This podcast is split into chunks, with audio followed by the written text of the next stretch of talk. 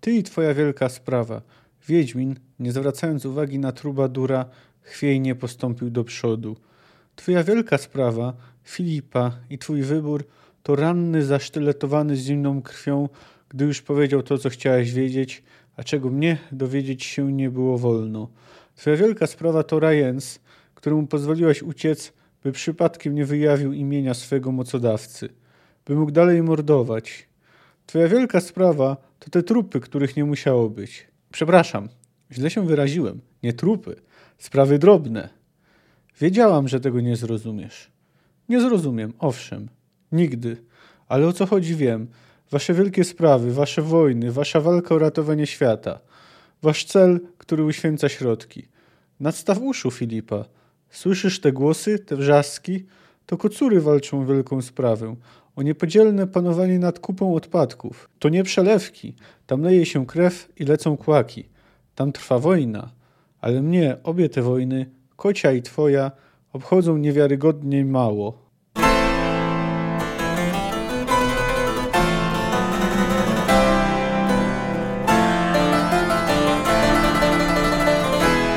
Cześć, jestem Kamil K., a Ty słuchasz mojego podcastu Fantastyka Krok po Kroku.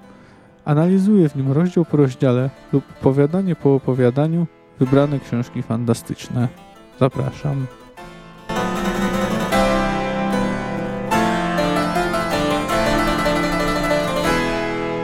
Cześć, witam po raz kolejny.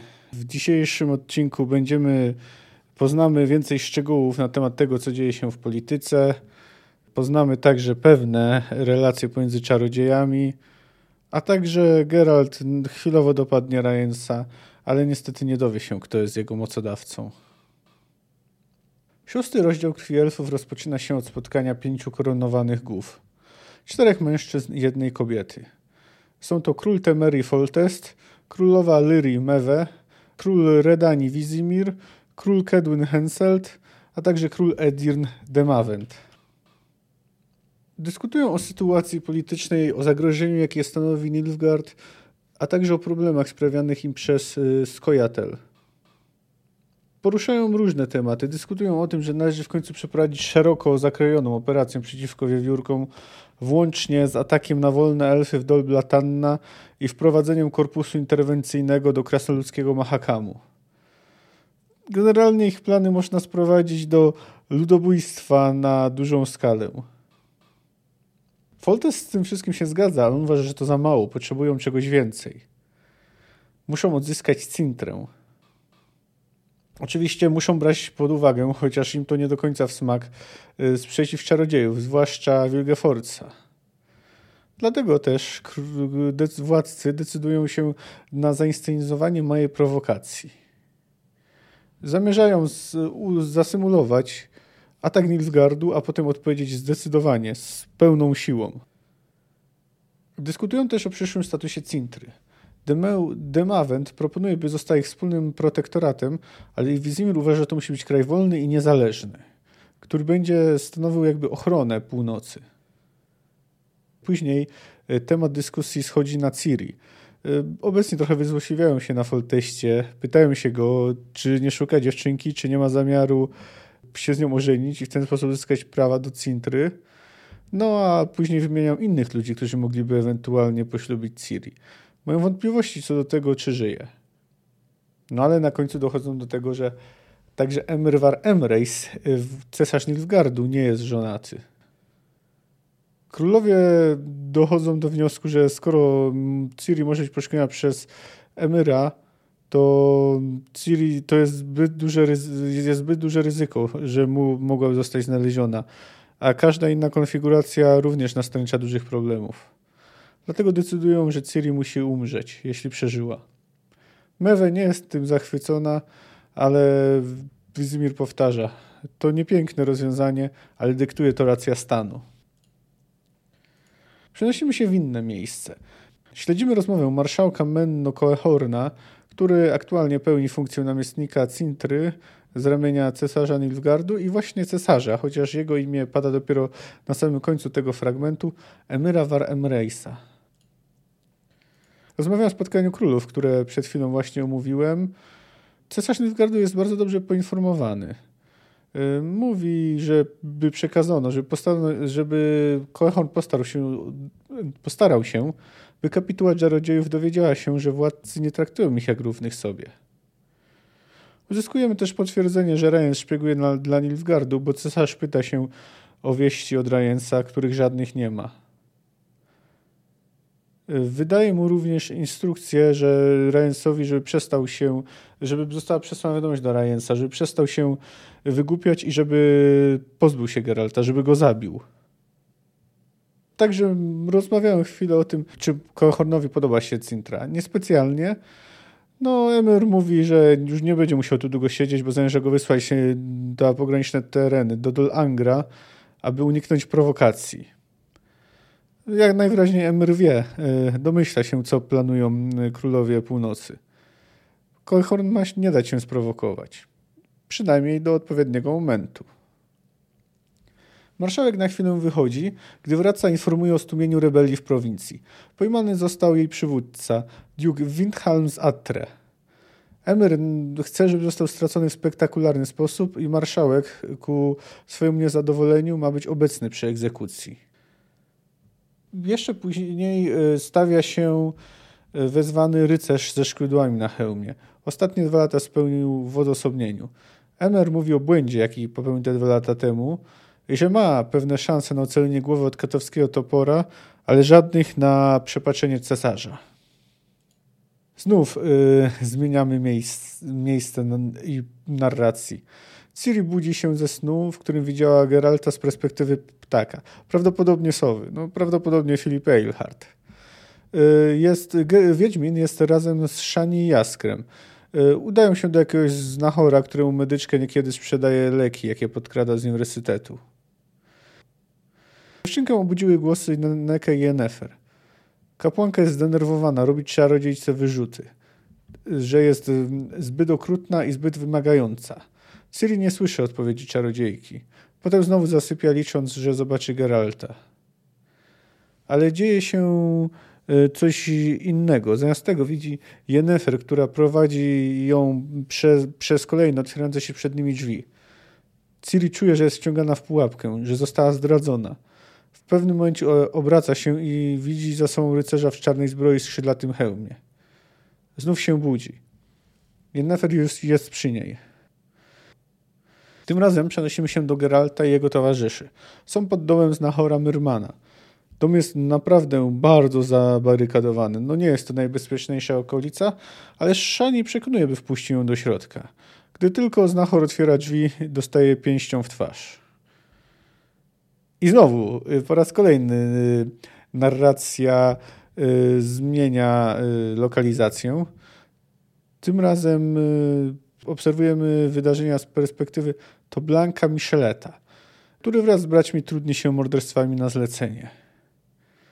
Rozmawiają z Rajensem. Oferują 100 nowigradzkich koron za zabicie kogoś. Według niego zwykłego frajera, po zabiciu któregoś nie będą musieli się ukrywać, ani nie będzie do ich ścigało prawo, nie spotkają ich żadne konsekwencje.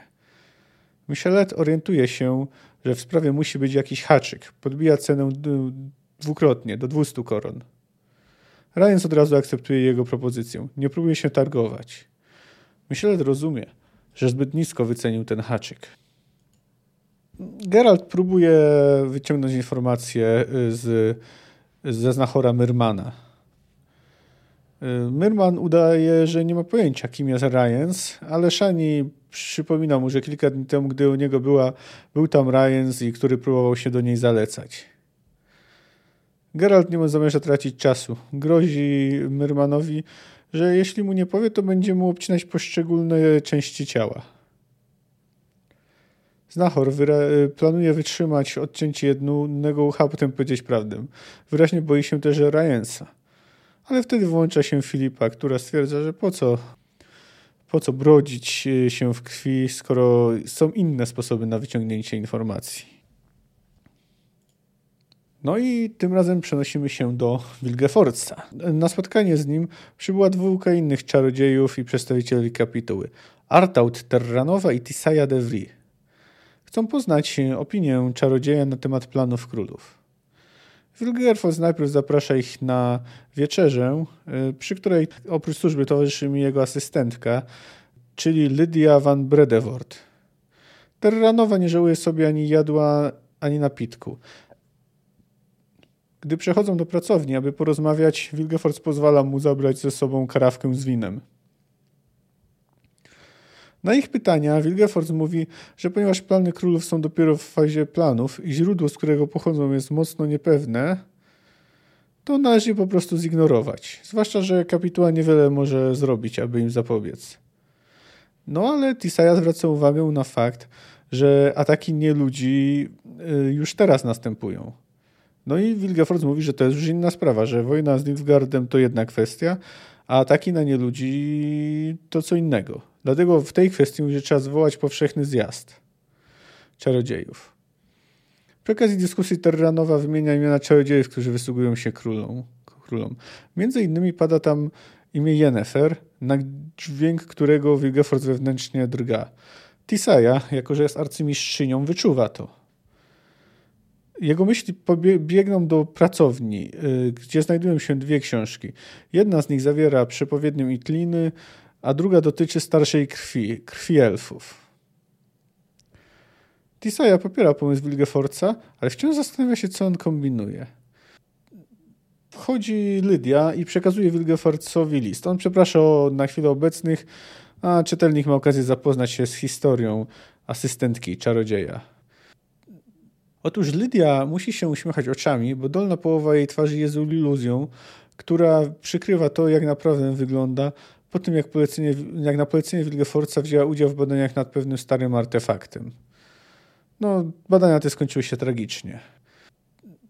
E, wracając do tematu Jennefer. Wilgefortz mówi, że próbował się z nią, nią skontaktować, ale nie wiadomo, gdzie wyjechała. Tisaya mówi mu spokojnie, że może do niej napisać list i gdziekolwiek nie jest odpowie, bo zawsze odpowiada. A w myślach dodaje, że jeśli Yennefer nie chce być znaleziona, to on jej nie znajdzie. Na koniec temat schodzi na Geralta. Wilgefort zastanawia się, co by czuła Yennefer, y, gdyby okazało się, że Wiedźmin zginął. I twierdzi, że prawdopodobnie już nie żyje. My tymczasem wracamy do Geralta. Najwyraźniej Filipa zdołała wyciągnąć z Myrmana informacje, bo Wiedźmin jest pod wpływem eliksirów. Y, słyszy i widzi o wiele wyraźniej. I zbliża się świt. I nadchodzi właśnie Ryans y, z eskortą. Gdy podchodzi do niego sam czarownik, a eskorta chowa się w ciemności poza zasięgiem wzroku normalnego człowieka, Gerald rozumie, że Ryans był świadom tego, że zastawiono na niego pułapkę. Ryan zresztą to potwierdza, mówiąc, że amulet, który dał Myrmanowi nie tylko y, przyzywa, ale też ostrzega. Potem wymieniają kilka wyzwisk. Y, Ryans nie mówi go, kto go posłał, ale obiecuje zemstę Yennefer. Czarodziej rzuca y, zaklęcie, ale go Geralt odbija je swoim pokrytym runami mieczem. Ryans wycofuje się. Y, w ostatniej chwili rezygnuje z rzucenia kolejnego czaru. Zamiast tego Wiedźmina atakują Micheletowie, parami z dwóch stron. W normalnej sytuacji prawdopodobnie łatwo by sobie poradzili, ale Wiedźmin jest szybszy niż zwykły człowiek. Używa w walce piruetów. Niekiedy zamiast bronić, atakuje. Gdy udaje mu się pokonać wszystkich, rusza za Ryensem. Ten wzywa pomocy i pomoc nadchodzi. W uliczce pojawia się portal. Tu akcja na chwilę się urywa i wracamy do Toblanka Micheleta, y, któremu wiedźmiński miecz rozpłatał brzuch. Filipa wyciąga z niego informacje, to co wie na temat Ryansa, a potem go zabija za pomocą sztyletu. Wiedźmin dopada Ryansa, wcześniej odrzucając miecz.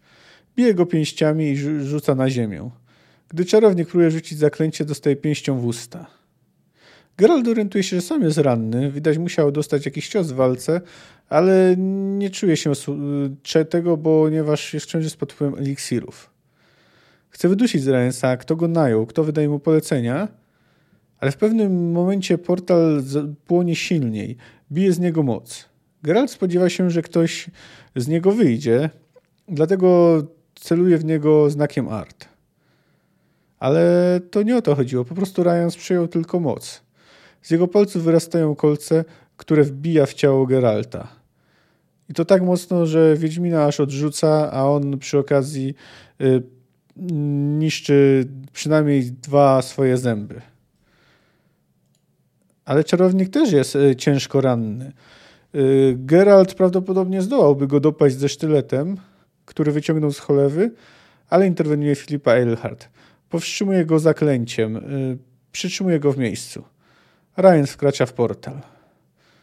Geralt rozmawia z Filipą, pomimo tego, że jest ciężko ranny i jest na granicy utraty przytomności. Ale robi kroki w stronę czarodziejki. Tam mówi, że musiała zrobić to, co zrobiła, by nie zdradzić sprawy naprawdę wielkie. Geralt mówi, że, że go to nic nie obchodzi, ale Filipa stwierdza, że tylko tak mu się wydaje, ponieważ wziął Ciri pod opiekę. A Ciri jest to wszystko jak najbardziej zamieszana. Geralt deklaruje, że zabije każdego, kto będzie tylko chciał skrzywdzić Ciri. Filipa odpowiada mu, że mu wierzy, no ale nie będzie mógł tego zrobić dziś, ponieważ zaraz straci przytomność. Dobrze. Y, no i to, to jest streszczenie wydarzeń tego rozdziału. I teraz uprzedzam, że jeśli ktoś nie czytał sagi, a na przykład, nie wiem, czyta ją na bieżąco, czy coś takiego, to zalecam, żeby w tym miejscu przestał słuchać, ponieważ będzie tutaj kilka odniesień do przyszłych wydarzeń. No po prostu nie da się ich uniknąć. No wracając do rzeczy. Rozdział ten ma, że posłużę się takim kolokwializmem, dość poszarpaną strukturę. Bardzo często zmieniamy miejsca i punkty widzenia. Y, no, jak widzimy, to dzieje się nawet w przypadku samej walki pomiędzy Ryansem i Geraltem. Czy utrudnia to lekturę? Raczej nie, chociaż może przez to wymaga nieco większego skupienia. Mnie to w każdym razie nie przeszkadzało. Jest w tym rozdziale to co omawiać, ale tym razem yy, przytoczę najpierw ten właśnie cytat y, z fikcyjnego dzieła, jakie y, zostało przytoczone przed samym rozdziałem. Y, po raz kolejny został zacytowany Nikodemus Debot, a jego treść w sumie bezpośrednio odnosi się do rozmowy, która otwiera ten rozdział. Zabójstwo jest zawsze zabójstwem, bez względu na motywy i okoliczności. Przeto ci, którzy zabijają lub przygotowują zabójstwo, to przestępcy i zbrodniarze, bez względu na to, kim są królami, książętami, marszałkami czy sędziami. Nikt z tych, którzy obmyślają zadają przemoc, nie ma, nie ma prawa uważać się za lepszego od zwykłego zbrodniarza, bo wszelka przemoc z natury swojej nieuchronnie wiedzie do zbrodni. No, widzimy, jest to pogląd mocno pacyfistyczny. Także bardzo ogólny, chociaż w tym przypadku, no, powiedzmy, dość uzasadniony co do naszych y, kochanych władców. W niektórych miejscach znalazłem podobne cytaty, które są przypisywane mm, rosyjskiemu pisarzowi Lwowi Tołstojowi, ale nie udało mi się znaleźć y, ich źródła, więc nie wiem, czy to jest faktycznie parafraza Tołstoja. On używał podobnych sformułowań, no ale jednak dość od... ale nie znalazłem, tak jak mówię, y, żeby te słowa były ich bezpośrednią y, trawestacją. No w każdym razie wydaje mi się, że to jest dość jasne wyrażenie stanowiska w kwestii osób, które uzasadniają rozma swoje rozmaite, okropne, zbrodnicze działania racją stanu. Z punktu widzenia kogoś, kto chce uzyskać informacje o historii świata, o sytuacji politycznej, y, rozmowa władców y, Królestw Północy i w ogóle ten rozdział są bardzo interesujące. No już weźmy sam początek. Gdy Foltest jest tytułowany panem Temeri, Pontaru, Mahakamu, Soden, a także protektorem Bruk. Y, no, dowiadujemy się później w toku rozmowy, że władzę nad Soden uzyskał dzięki temu, że tamtejszy władca był przyrodnim bratem jego matki.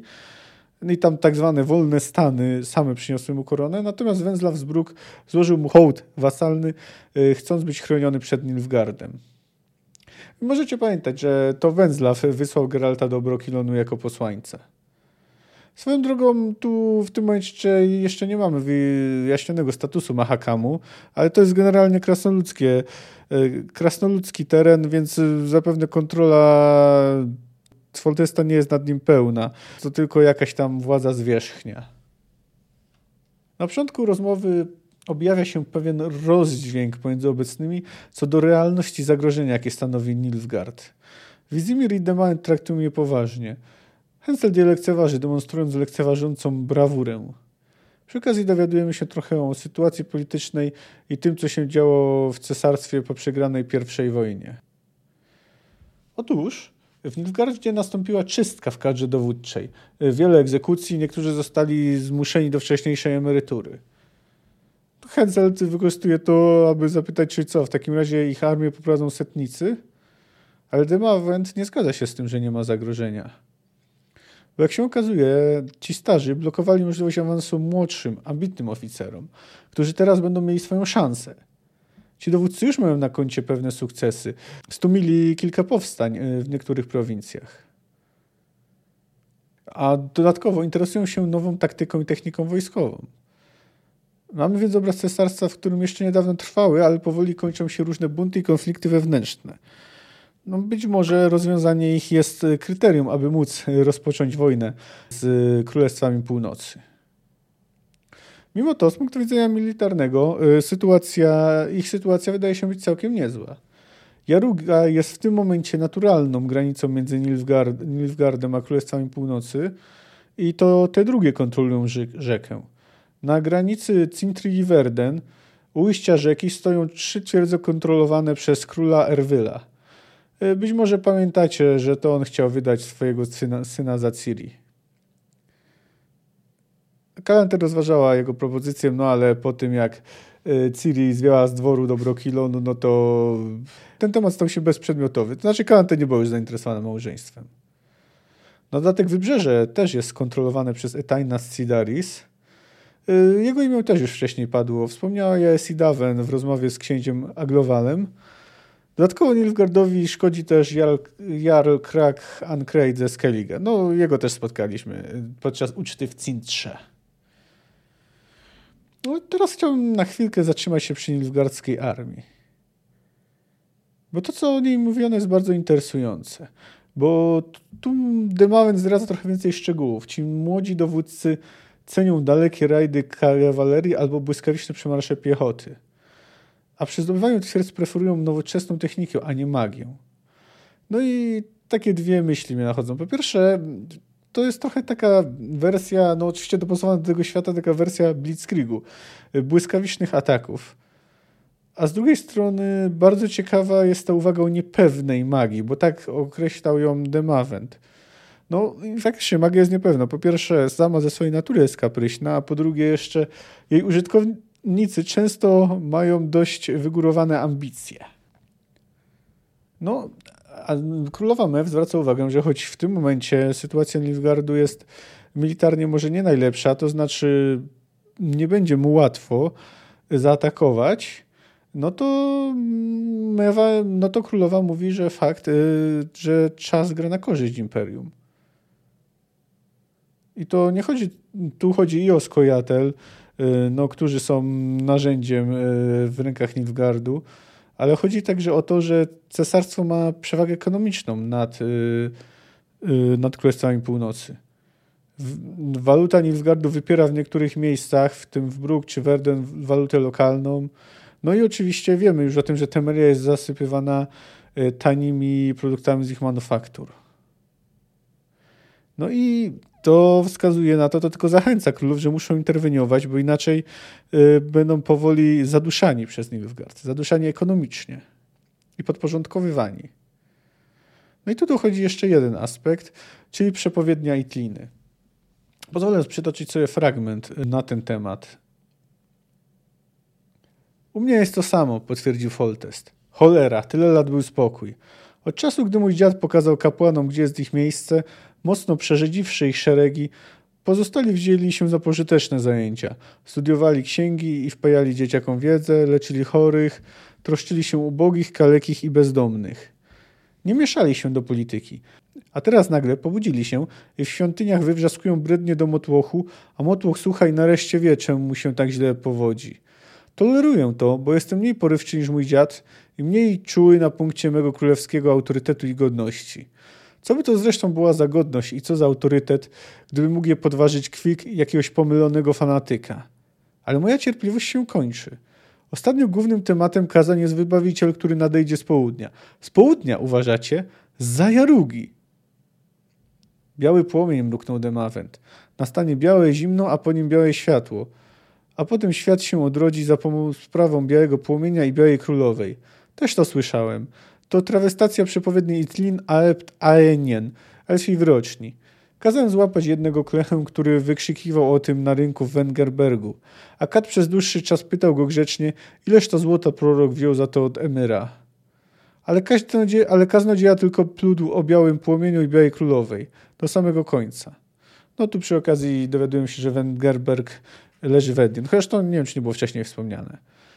No, a tu dość oczywiście widzimy, że praw być może ci kapłani, pomijając oczywiście ich samą wiarę w tą przepowiednię, mogą być inspirowani przez Nilfgaard.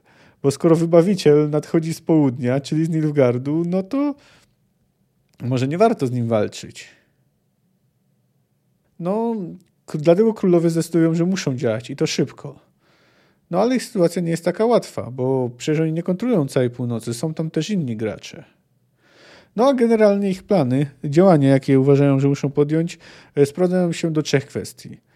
E, ataku na nieludzi, odzyskania Cintry i zabicia Ciri. O ile to pierwsze nie powinno mieć wielkiego problemu, ponieważ elfy są e, za słabe, żeby real stawić opór regularnym wojskom, no to atak na Nilfgaard jest jeszcze trudniejszą sprawą, zwłaszcza, że choć niechętnie władcy muszą się liczyć ze stanowiskiem czarodziejów, zwłaszcza Wilgefortza. Foltest jest z tego bardzo niezadowolony. Nie podoba mu się, że ten magik tak urósł. No ale, ale nic nie może na to poradzić. Dlatego władcy zdecydują się na przeprowadzenie prowokacji. No trzeba tutaj dodać, że Cintra ma i znaczenie symboliczne, bo na północy wciąż pamięta się rzezi Cintry i śmierci królowej Kalante. Dodatkowo marszałek Wisegard organizuje oddziały z uciekinierów z miasta, którzy bardzo chętnie by tam wrócili. No ale jest też, mm, ma też znaczenie praktyczne, bo wtedy Nordlingowie po zajęciu miasta będą kontrolować oba brzegi Jarugi. Mogą co, wypchnąć Nilfgaard dalej, cofnąć kawałek jego ekspansji. No bo widzimy, bo nie tylko oni uważają, bo jak widzimy Nilfgaard y, nie ma zamiaru się zatrzymać. No dobrze, a teraz może kilka słów yy, o tym, o powodach, które sprawiły, że królowie doszli do wniosku, że lwiątko, czyli Ciri, wnuczka Kalante, lwicy z Cintry musi umrzeć. To dość długi fragment, ale go przytoczę, no bo jest bardzo istotny i na dodatek trochę go wyjaśnia. Wiele wyjaśnia. Kto jeszcze ma synów? Ty, Henselt. Mój syn jest żonaty. Od czego jest trucizna? Dla tronu Cintry, jak ktoś tu mądrze powiedział, nie jeden poświęciłby osobiste szczęście. Opłacałoby się. Wypraszam sobie takie insynuacje i odczepcie się. Inni też mają synów. Niedamir z, Heng Hengfors ma dwóch, a sam jest wdowcem, nie starym. Nie zapominajcie też o Esteradzie Tysenie z Kowiru. Wykluczyłbym ich, pokręcił głową Wizimir. Liga z Hengfors i Kowir planują związki dynastyczne między sobą.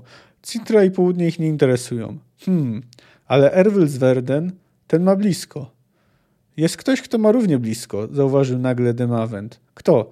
Emchryvar Emreis. Nie jest żonaty. Jest młodszy niż ty, Foltest. Psia zmarszczył czoło król Redani. Gdyby to była prawda, Emir wychędożyłby nas bez łoju. To jasne, ludy szlachta Cintry pójdą zawsze za krwią Kalantę. Wyobrażacie sobie, co by się stało, gdyby Emir dopadł lwiątka? Cholera, tego nam jeszcze brakuje. Królowa Cintry i cesarzowa Nilfgardu. Cesarzowa, parsknął Henselt. Doprawdy, przesadzasz, Wizimir. Po co Emirowi dziewczynka? Podjabła mu ożenek. Dla tronu Cintry? Emir już ma Cintrę. Podbił kraj i zrobił z niego Nilfgardzką prowincję. Siedzi na tronie całą życią i jeszcze ma dość miejsca, by móc się wiercić. Po pierwsze, zauważył Foltest, Emir dzierży Cintrę prawem, a raczej bezprawiem agresora. Gdyby miał dziewczynę żenił się z nią, to mógłby panować legalnie. Rozumiesz? Nilfgaard, związany małżeństwem z krwią Kalante, to już nie Nilfgaard najeźdźca, na którego szczerzy zęby cała północ. To Nilfgaard sąsiad, z którym trzeba się liczyć. Jak chciałbyś wypchnąć taki Nilfgaard za Marnadal, za przełęcze Amelu, atakując królestwo, na tronie którego legalnie zasiada lwiątko, wnuczka lwicy z Cintry. Zaraza! Nie wiem, kto szuka tego dzieciaka. Ja go nie szukałem. Ale oświadczam wam, że teraz zacznę. Wciąż uważam, że dziewczynka nie żyje, ale nie wolno nam ryzykować. Okazuje się, że to zbyt ważna persona. Jeśli przeżyła, musimy ją odnaleźć. Czy od razu ustalimy, za kogo ją wydamy, gdy odnajdziemy? Wykrzywił się Henselt. Takich spraw nie należałoby pozostawiać przypadkowi. Moglibyśmy owszem wręczyć ją bojowym partyzantom Wisegerda jako sztandar przy, przywiązaną do długiej tyczki, niech niosą ją przed frontem, atakując tamten brzeg. Ale jeśli odzyskana Cintra ma posłużyć nam wszystkim, chyba wiecie o co mi idzie.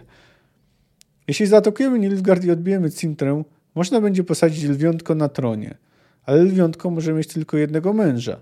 Takiego, który dopilnuje naszych interesów w ujściu Jarugi. Kto z obecnych na ochotnika? Ja nie, zadrwiła Mef. Rezygnuję z przywileju. A ja nie wykluczałbym nieobecnych, rzekł poważnie Demavent. Ani Erwyla, ani Niedamira, ani Tysenidów. A taki Wisegard, weźcie to pod rozwagę, może was zaskoczyć i zrobić niespodziewany użytek ze sztandaru przywiązanego do długiej tyczki. Słyszeliście o małżeństwach morganatycznych? Wisegard jest stary i brzydki, jak krowia kupa, ale napojony wywarami z absenty i damiany lwiątko może się w nim niespodzianie zakochać. Czy król Wisegard, panowie, mieści się w naszych planach? Nie, mruknął Foltest. W moich się nie mieści. Hmm, zawahał się Wizimir. W moich też nie. Wisegard jest narzędziem, nie partnerem i taką, nie inną rolę ma odegrać w naszych planach ataku na Nilfgaard. Ponadto, jeśli tym, który tak zawzięcie poszukuje lwiątka, jest jednak Emir War Emreis, ryzykować nie możemy. Absolutnie nie możemy, potwierdził Foltest. Lwiątko nie może dostać się w ręce Emyra. Nie może wpaść w niczyje, w niewłaściwe ręce. Żywe. Dzieciobójstwo? Skrzywiła się Mewe. Nieładne rozwiązanie, panowie królowie. Niegodne i chyba niepotrzebnie drastyczne. Najpierw znajdźmy dziewczynę, bo jeszcze jej nie mamy, a gdy ją znajdziemy, dajcie ją mnie. Potrzymam ją ze dwa lata w jakimś kasztelu w górach, wydam za któregoś z moich rycerzy. Gdy ją znowu zobaczycie, będzie miała już dwójkę dzieci i o, taki brzuch. Czyli, jeśli dobrze rachuję, co najmniej troje ewentualnych późniejszych pretendentów i samozwańców, pokiwał głową Wizimir. Nie, Mewe. To faktycznie niepiękne, ale lwiątko, jeśli przeżyło, teraz musi umrzeć. Racja stanu. Panowie? Desztuk o okna. Wśród wież zamczyska Hag wył wicher. Królowie milczeli. No tu chciałbym się odnieść do tej końcówki. Y, tutaj padają te słowa racja stanu. Być może pamiętacie, ale Ciri miała wizję, w których padała y, ta właśnie, to właśnie słowa. Czyli jak widać, y, widziała przyszłość częściowo. I dość selektywnie. No, jak chodzi o, dzieci, o decyzję królów, no to widzimy królów i królowej, bo jeszcze jest MEF, no to ich decyzja o zamordowaniu dziecka została zrobiona, ponieważ mogłoby to popsuć ich interesy polityczne. Mogliby utracić nadzieję na odzyskanie Cintry. No cóż, tu i z narracji, i z cytatu poprzedzającego ten rozdział widać wyraźnie, że taki real polityk nie jest w smak Sapkowskiemu. I choć generalnie poznajemy tą historię z perspektywy osób z Królestw Północy, to jednak ich władcy nie są najmilszymi osobami, a ich samych królestwach dzieje się wiele no, rzeczy złych, bo są one pełne uprzedzeń i rasizmu, no a właśnie, a jak rządzący są pozbawionymi moralności cynikami.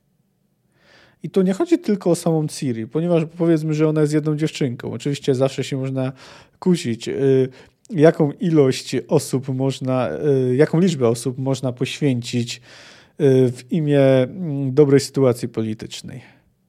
No nie, w imię interesu politycznego. No ale powiedzmy, zostawmy te etyczne rozważania na boku, ale przecież ich plany dotyczą też nie ludzi. Tymczasem przytoczę krótki cytat tego, y, jakie są plany monarchów wobec elfów i innych nieludzkich ras. Wydusić wiewiórki, rzekł szybko Henselt. Rozpocząć wielką wspólną operację wojskową. Sprawić nieludziom krwawą łaźnię. Niech Pontar, Gwenellech i Buina popłyną krwią elfów, od źródeł do ujść. Przytłamsić karną ekspedycją wolne elfy z Dolblatanna, dodał marszcząc czoło Demavent. Wprowadzić interwencyjne korpusy do Mahakamu. Pozwolić wreszcie Erwylowi z Werden dobrać się do Driad w Brokilonie. Tak, krwawa łaźnia, a tych, co przeżyją, do rezerwatów. Zaiste, piękne są plany królów. Wiemy, bo zresztą takie zdanie ma na przykład Jarpen Zigrin, że królowie mają rację, że Nilfgaard podpuszcza nie ludzi do buntu. No ale dlaczego wychodzi mu to tak łatwo? Y, czy potrafią się zdobyć na refleksję na ten temat? Absolutnie nie. Nie biorą pod uwagę próby reform, wzmocnienia prawnie ludzi albo próby dogadania się z tymi, którzy mm, Skojatel nie wspierają. No bo Skojatel faktycznie oprócz no, ich napady na kupców y, paraliżują w dużym stopniu handel w północnych królestwach. No, czyli uderzają w gospodarkę, co też jest w interesie Nilfgaardu, rzecz jasna. No ale decyzja królów to nie jest żadna próba szukania porozumienia, tylko ludobójstwo. Nawet Foltest, który dotychczas był przedstawiony jako człowiek, który jest może nieco bardziej pokojowo nastawiony do nieludzi, yy, mówi Jeśli nie ludzie chcą wojny, to będą ją mieli, wtrącił Foltest z Temerii. Byłem zawsze rzecznikiem pojednania i koegzystencji, ale jeśli oni wolą próbę sił, to spróbujemy kto silniejszy. Jestem gotów. W Temerii i Soden podobuję się wykończyć wiewiórki w ciągu sześciu miesięcy. Te ziemie już raz spłynęły krwią elfów wytoczoną przez naszych pradziadów. Uważam to za tragedię, ale wyjścia nie widzę. Tragedia się powtórzy. Elfy trzeba spacyfikować. Nie widzi wyjścia. A może nawet nie próbuje go znaleźć.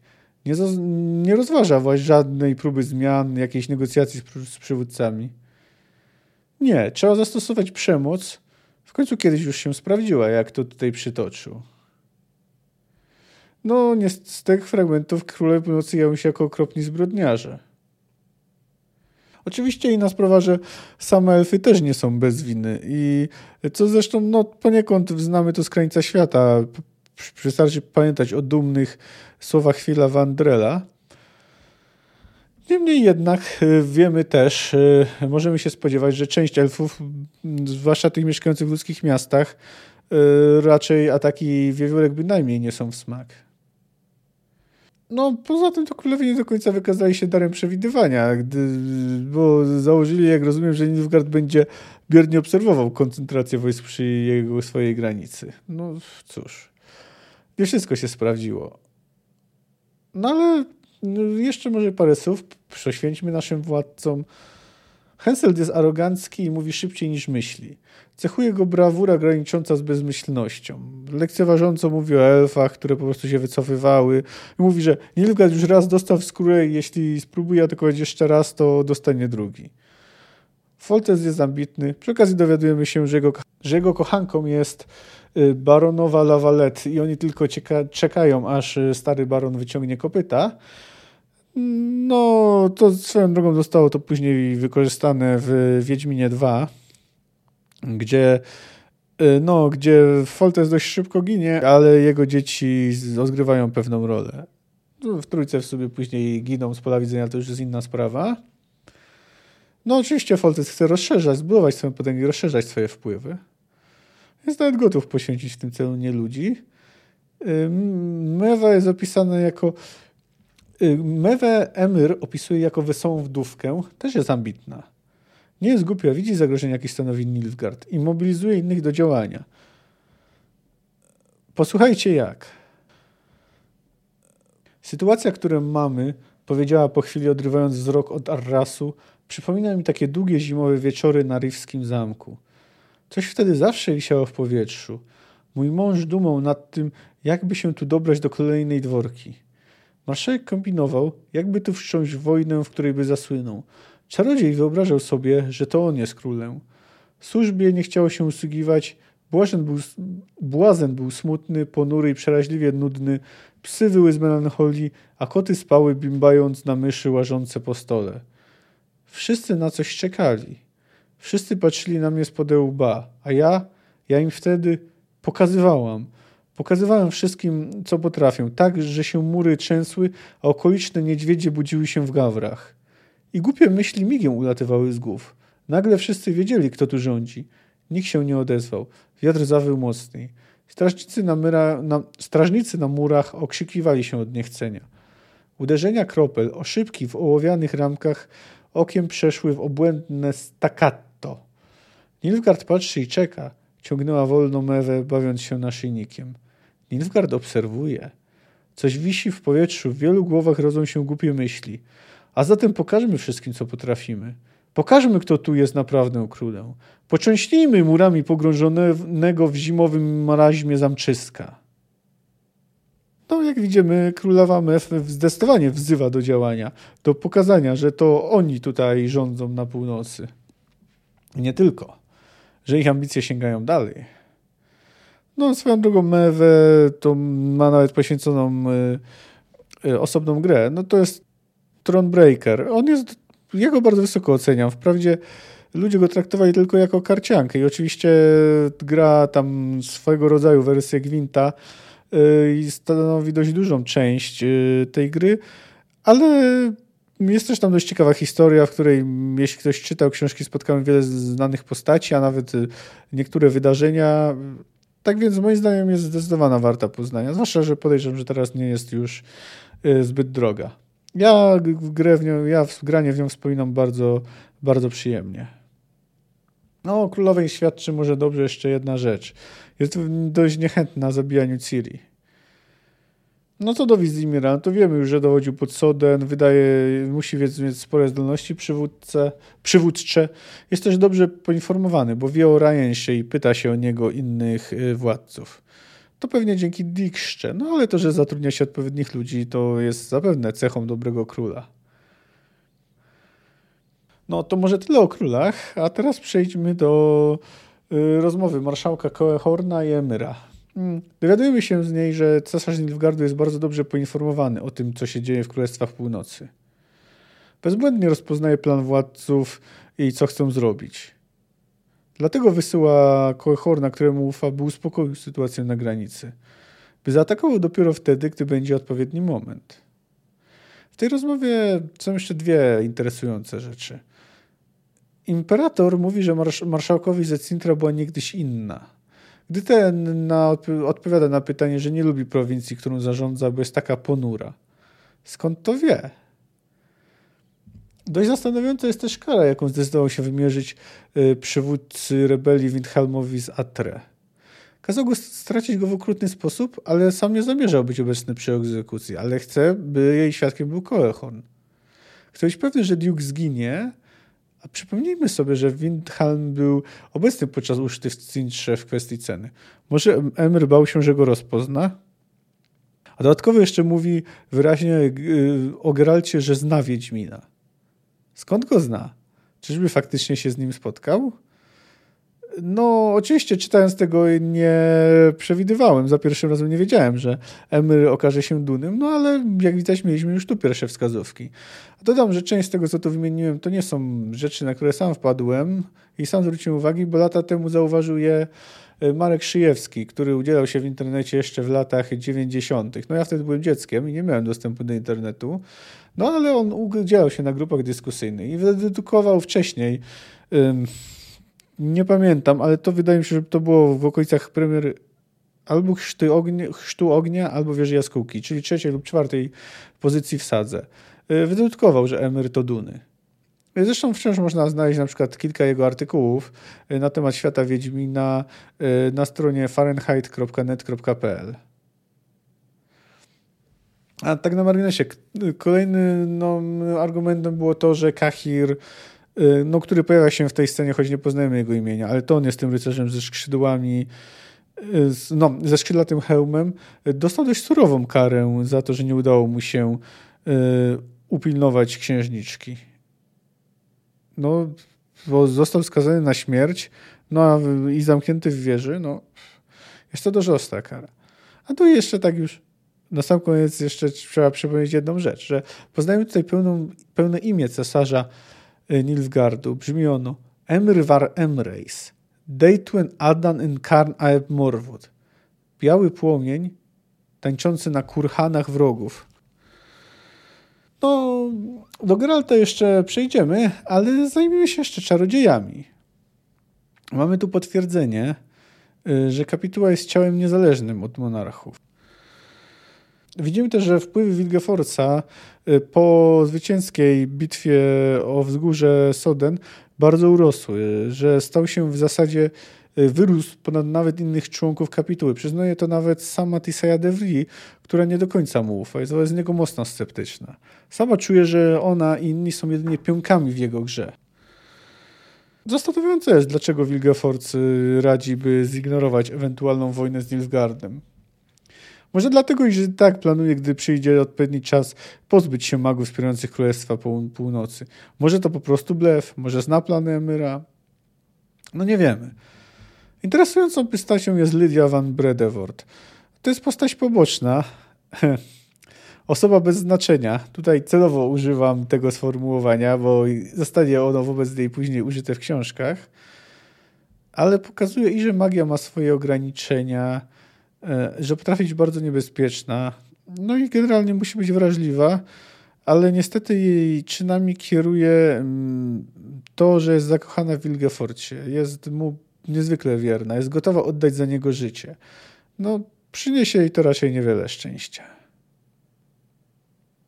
To co do Tisai, no to trochę też się od niej dowiadujemy. No co by nie patrzeć, to cecha taka mm, obsesyjne zamiłowanie do porządku, do tego, że wszystko ma być równo i symetrycznie, no jest to, trochę o niej mówi. Też o tym, jaką jest osobą że generalnie stara się kierować swoim życiem w sposób uporządkowany, raczej nie pozwala kierować sobą emocjami. No, chociaż nie zawsze tak jest. Poza tym jest niezwykle potężną e, czarodziejką, skoro była w stanie przełamać blokadę e, nałożoną przez Wilgefortza e, na jego laboratorium. A co do Wilgefortza, no cóż, no oprócz tego wiem, że poszukuje, że poszukuje Yennefer, ale to wiemy dlaczego. Chodzi mu o znalezienie Ciri. E, no i pytanie tutaj, na ile on wydaje rozkazy Ryansowi, bo to, że on przysłał pomoc Ryansowi podczas y, jego walki z Geraltem jest oczywiste. No nie wiemy. W każdym razie z pewnością to, że Emry się niecierpliwił, aby zabić y, Wiedźmina, to zapewne też sprawiło, że Wilgefort był przekonany, że on umarł. Może teraz coś jeszcze trzeba by powiedzieć o wizjach Ciri. Pierwsza z nich nie wzbudza większych wątpliwości. Po prostu Ciri niekiedy widzi coś, co się dzieje, albo niekiedy nawet w tym samym momencie, tylko w innym miejscu. No coś takiego było, gdy była z Geraltem w Charlotte, y, a y, członkowie konwoju, y, krasnoludy i Wang byli atakowani przez Skojatel.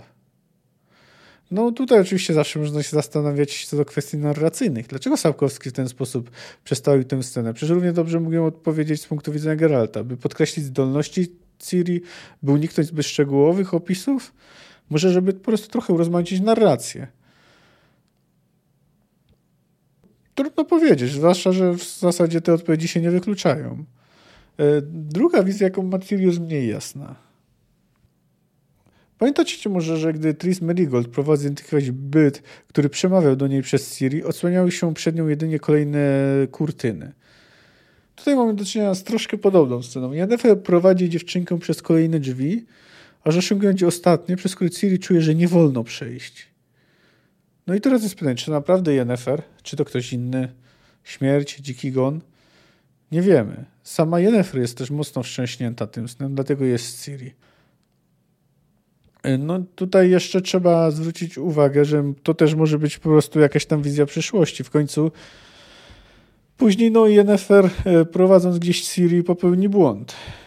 No ale do zjazdu na tanec to przejdziemy przy okazji omawiania y, czasu pogardy.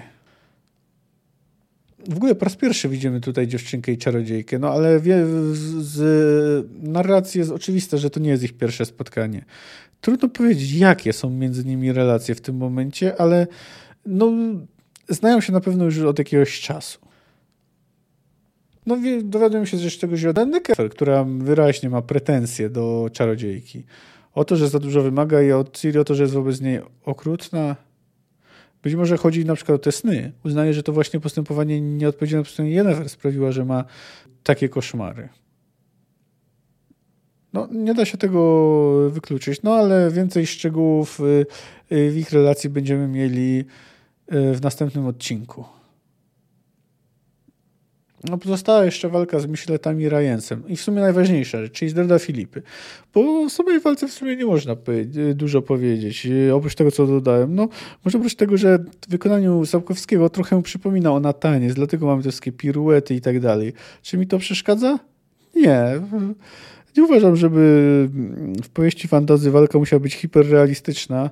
Zwłaszcza, że musimy pamiętać, że przecież y, y, Geralt y, dysponuje nadludzkimi refleksem, szybkością i umiejętnościami. Można powiedzieć, mm, dlatego nie razi mnie ta walka. Nie wydaje mi się ona w świecie przedstawionym nieprawdopodobna, że nie mogłaby tak wyglądać. Generalnie uważam opis walki za dynamiczny i dobry. No a teraz właśnie kilka słów poświęćmy Filipie Eilhart, a raczej jej decyzji. Dlaczego powstrzymała Geralta przed odkryciem, kto jest mocodawcą Ryansa? Oczywiście nie chodziło jej o Emyra, bo o powiązaniach y, pomiędzy Ryansem i Nilfgaardem y, to już wiadomo od jakiegoś czasu. Wie o nich i Dijkstra, wie o nich Jaskier, zapewne musi też wiedzieć Geralt. No ale chodziło o Wilgefortza. No jak ona się uzasadnia, jak ona usprawiedliwia się Geraltowi? E, no tutaj fragment e, tej rozmowy przytoczyłem na samym początku, ale tu może warto też przytoczyć argumenty i słowa czarodziejki, bo są one dość może istotne, chociaż nie wszystko wyjaśniają. Dlaczego Filipa? Dlaczego to zrobiłaś? Czarodziejka cofnęła się o krok. Nadal trzymała w dłoni sztylet, który przed momentem tkwił w czaszce tą Blanka Micheleta. Dlaczego pytasz? Przecież wiesz. Tak, potwierdził. Teraz już wiem. Jesteś ranny, Geralt. Nie czujesz bólu, bo jesteś odurzony wiedźmińskim eliksirem, ale spójrz jak krwawisz. Uspokoiłeś się na tyle, bym mogła bez obawy podejść i zająć się tobą? Do diabła, nie patrz tak. Nie zbliżaj się do mnie. Jeszcze krok, a będę zmuszona. Nie zbliżaj się, proszę. Nie chcę ci zrobić krzywdy, a jeśli się zbliżysz... Filipa! Krzyknął Jaskier wciąż trzymając płaczącą Szani. Zwariowałaś? Nie, powiedział z wysiłkiem Wiedźmin. Ona jest przy zdrowych zmysłach i doskonale wie, co robi. Cały czas wiedziała, co robi. Wykorzystała nas, zdradziła, oszukała. Uspokój się, powtórzyła Filipa Eilhart. Nie zrozumiesz tego i nie trzeba byś rozumiał. Musiałam zrobić to, co zrobiłam. I nie nazywaj mnie zdrajczynią, bo zrobiłam to właśnie dlatego, by nie zdradzić sprawy większej, niż możesz sobie wyobrazić sprawy wielkiej i ważnej. Tak ważnej, że trzeba bez postanowienia poświęcić dla niej sprawy drobne, jeśli staje się przed takim wyborem. Geralt, do diabła, my tu gadamy, a ty stoisz w kołży krwi. Uspokój się i pozwól, byśmy zajęły się tobą, ja i Szani. Ona ma rację, krzyknął Jaskier. Jesteś ranny do cholery. Trzeba cię opatrzyć i wynosić się stąd. Kłócić możecie się później.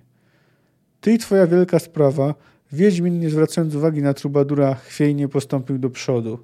Twoja wielka sprawa, Filippa, i twój wybór to ranny zasztyletowany z zimną krwią, gdy już powiedział to, co chciałaś wiedzieć, a czego mnie dowiedzieć się nie było wolno. Twoja wielka sprawa to Ryan, z któremu pozwoliłeś uciec, by przypadkiem nie wymienił imienia swojego mocodawcy, by mógł dalej mordować.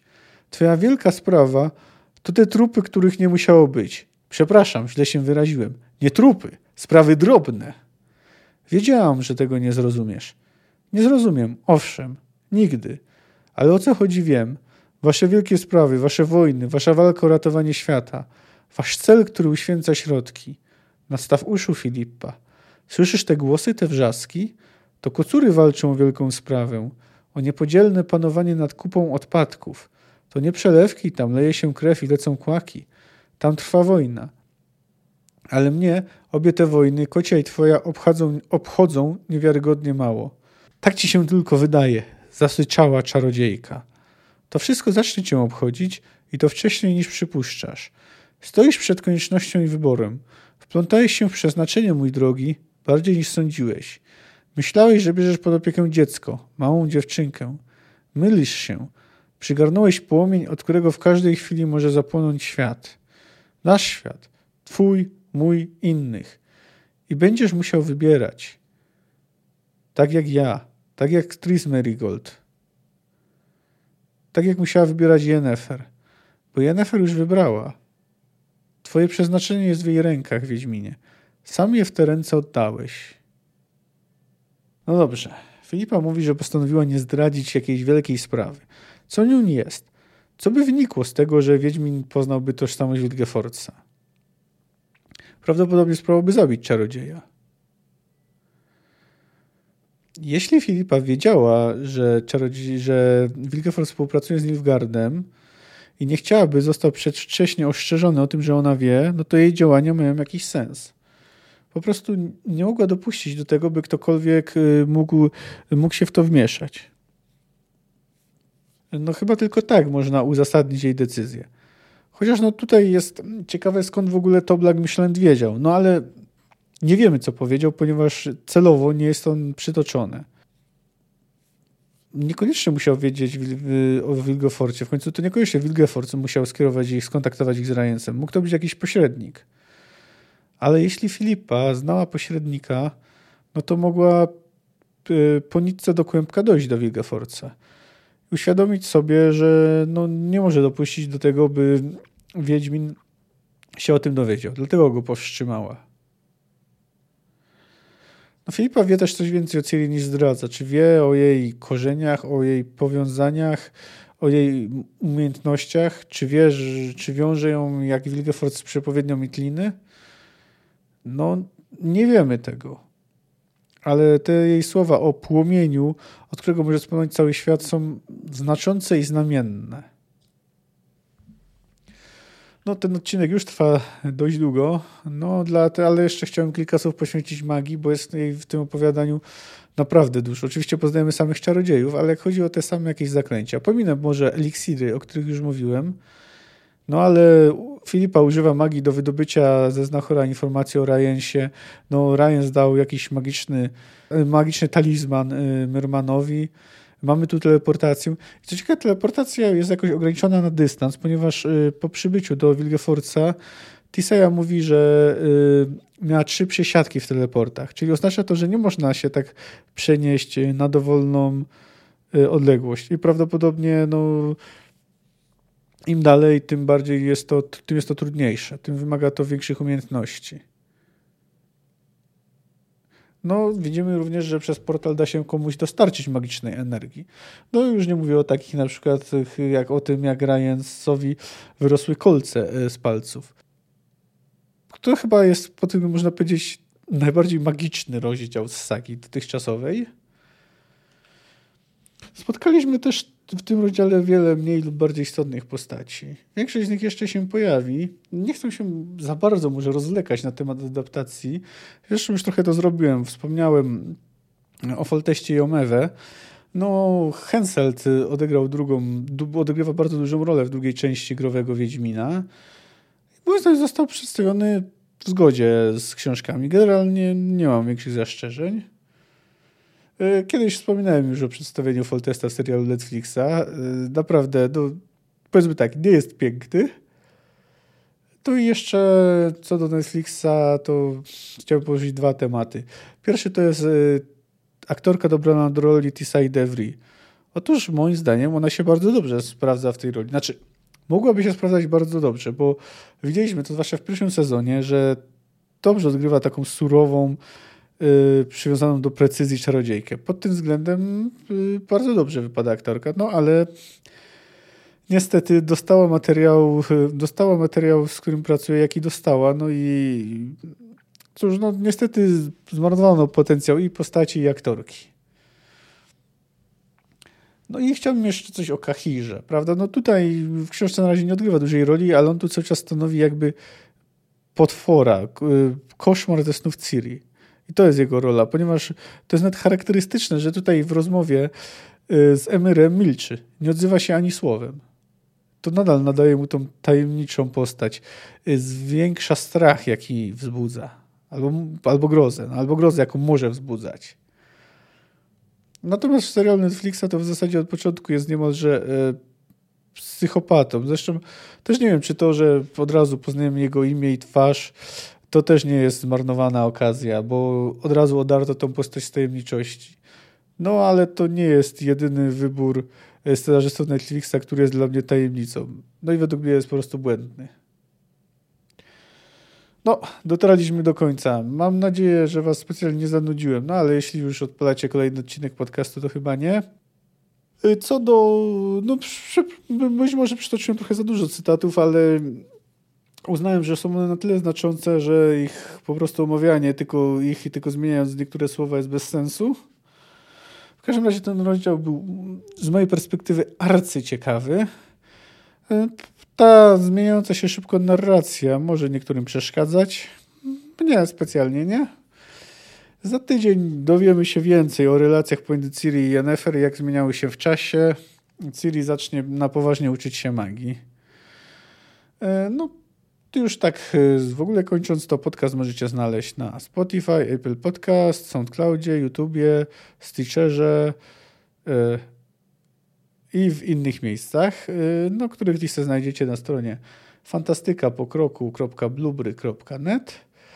A jeśli chcecie się podzielić ze mną jakąś swoją opinią czy refleksją, yy, chcecie mi udzielić jakiejś rady, albo możecie chcecie się o coś spytać, to możecie albo pisać na maila kamil.fantastyka.gmail.com no możecie się napisać na Twitterze lub Instagramie, no ewentualnie skomentować, jeśli na którymś z portali, gdzie mój podcast jest dostępny, jest możliwość komentowania. Do usłyszenia za tydzień. Cześć.